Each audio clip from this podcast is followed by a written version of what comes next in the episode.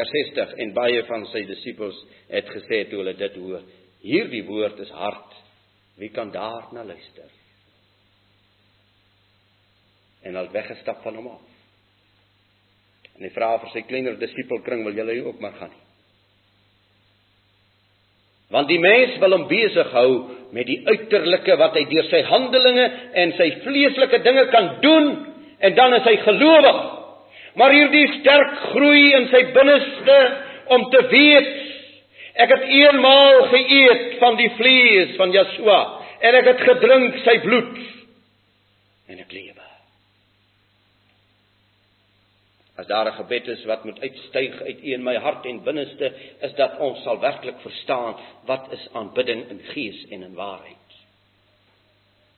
Wanneer al hierdie rituele dinge en hierdie sigbare dinge van hierdie aarde en die dae en die maande en die jare en die offers en die blomme en die dinge wat ons besig hou sal wegval en u en ek in God Jahwe sal wees tot in ewigheid. Hy sal gee dat ons sal eet van die verborgde manne. Die verborgde manne.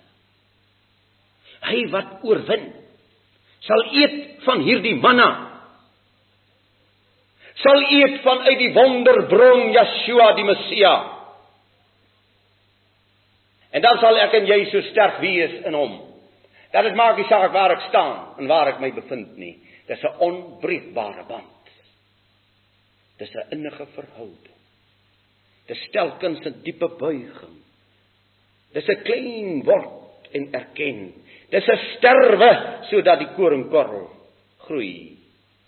Halm en die aar. Hulle het Yeshua nie verstaan nie want dit is te geweldig geweest. En geliefdes, ek wil vir u vanaand sê in my eie hart en lewe is dit een seker een van die sterkste soekes is om die woord van Jahwe te verstaan. Daar's min dae in my lewe terwyl ek sommer so stap.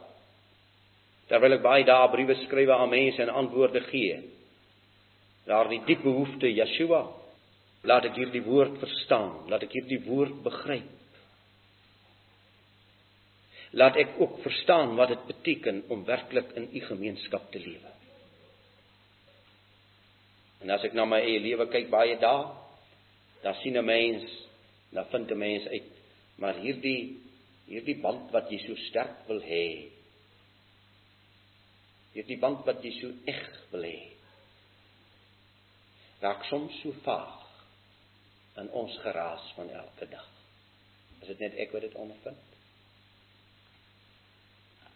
Dit raak so maklik vaag omdat ons hierdie innige verhouding met Yeshua nie genoegsaam beleef nie. Om van hom te eet is om in hom te wees. Is om hom toe te laat in volle beheer van ons lewe.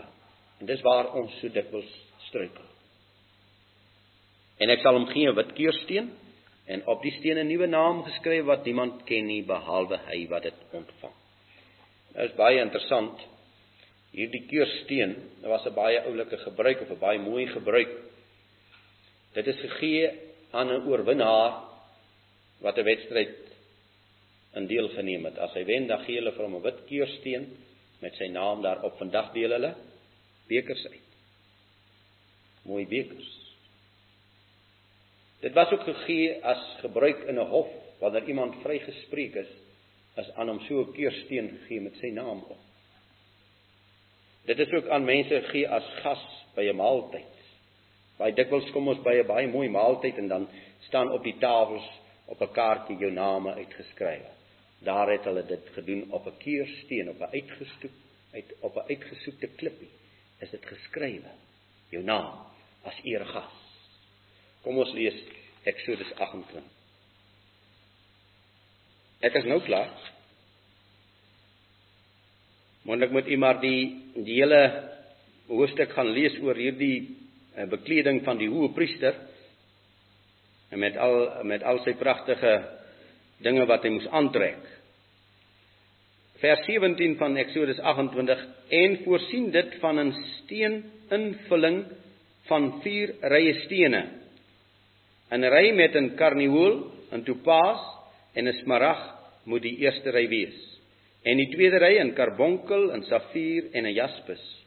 En die derde ry in hyasint en 'n agaat en 'n ametis. En die vierde ry in krisoliet en 'n onyx en 'n sardonyx.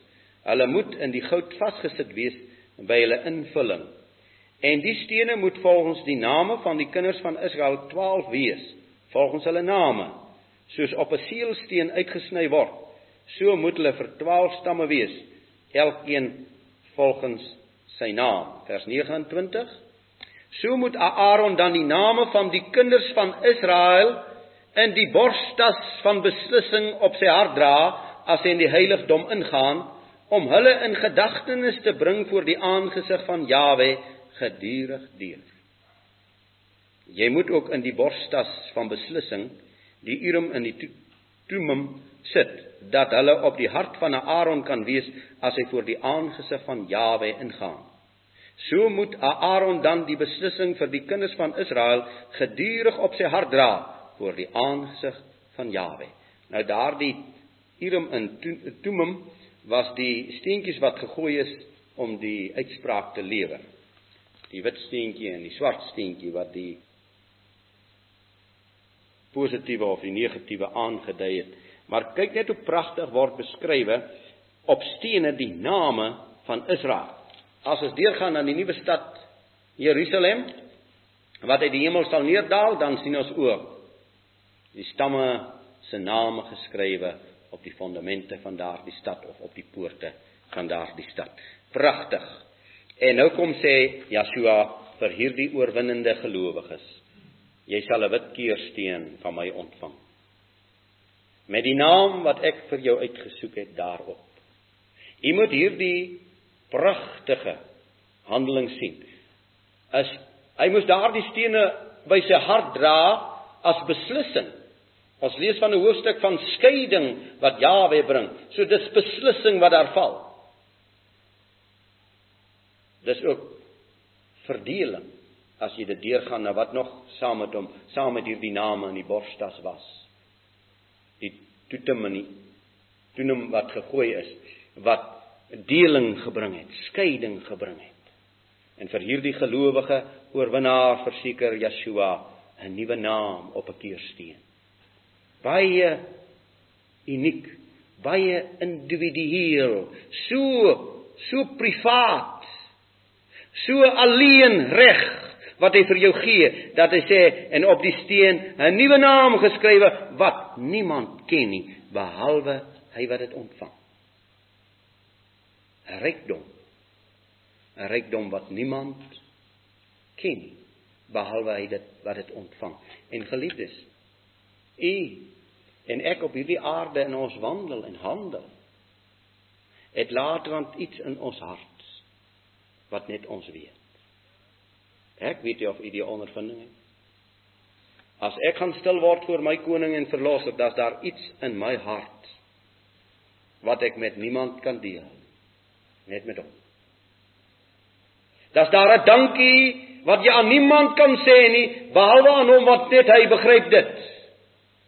Daar's 'n hartseer wat niemand verstaan nie behalwe hy. Daar's 'n 'n persoonlike verhouding tussen my en my verlosser. En u en ek as gelowiges, wanneer ons werklik oorwinnaars word in Yeshua, sal hierdie verhouding al dieper en inniger en sterker in ons hart aanvoel. 'n Nuwe naam wat niemand ken nie behalwe hy wat dit ontvang. Mag Jawe vir ons genade gee. Wonderlike genade, geliefdes vir u wat ver terugry na u huise en daar alleen sit moontlik dat u moet weet niemand niks kan hierdie verhouding verbreek nie net ek self. Niemand anders. En ek self kan hierdie verhouding bou niemand anders. Doen dit dan. En wees bly in hom. Ons Vader in ons onwaardigheid in ons nietigheid Baie baie dankie. Baie baie dankie. Koning verlosser van my lewe. Amen.